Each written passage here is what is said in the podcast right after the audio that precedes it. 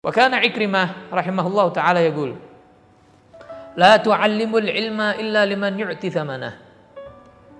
Seorang ulama yang bernama Imam Ikrimah rahimahullah beliau berkata, "Jangan kalian ajarkan ilmu kecuali bagi siapa yang mau bayar."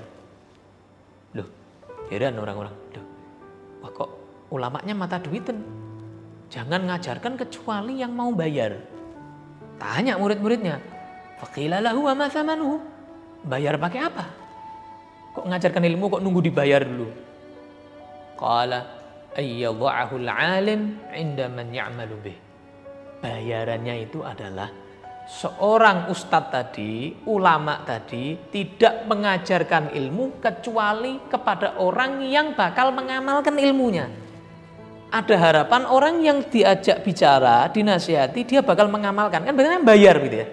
Saya kasih ilmu, kamu bayar pakai amal, pakai praktek, gitu. diaplikasikan. Jadi barter gitu ya. Ustadznya memberikan ilmu, barangnya itu ilmu, bayar pakai apa?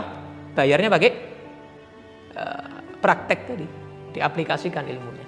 Maka barter, jual beli ilmu dengan apa? Amal.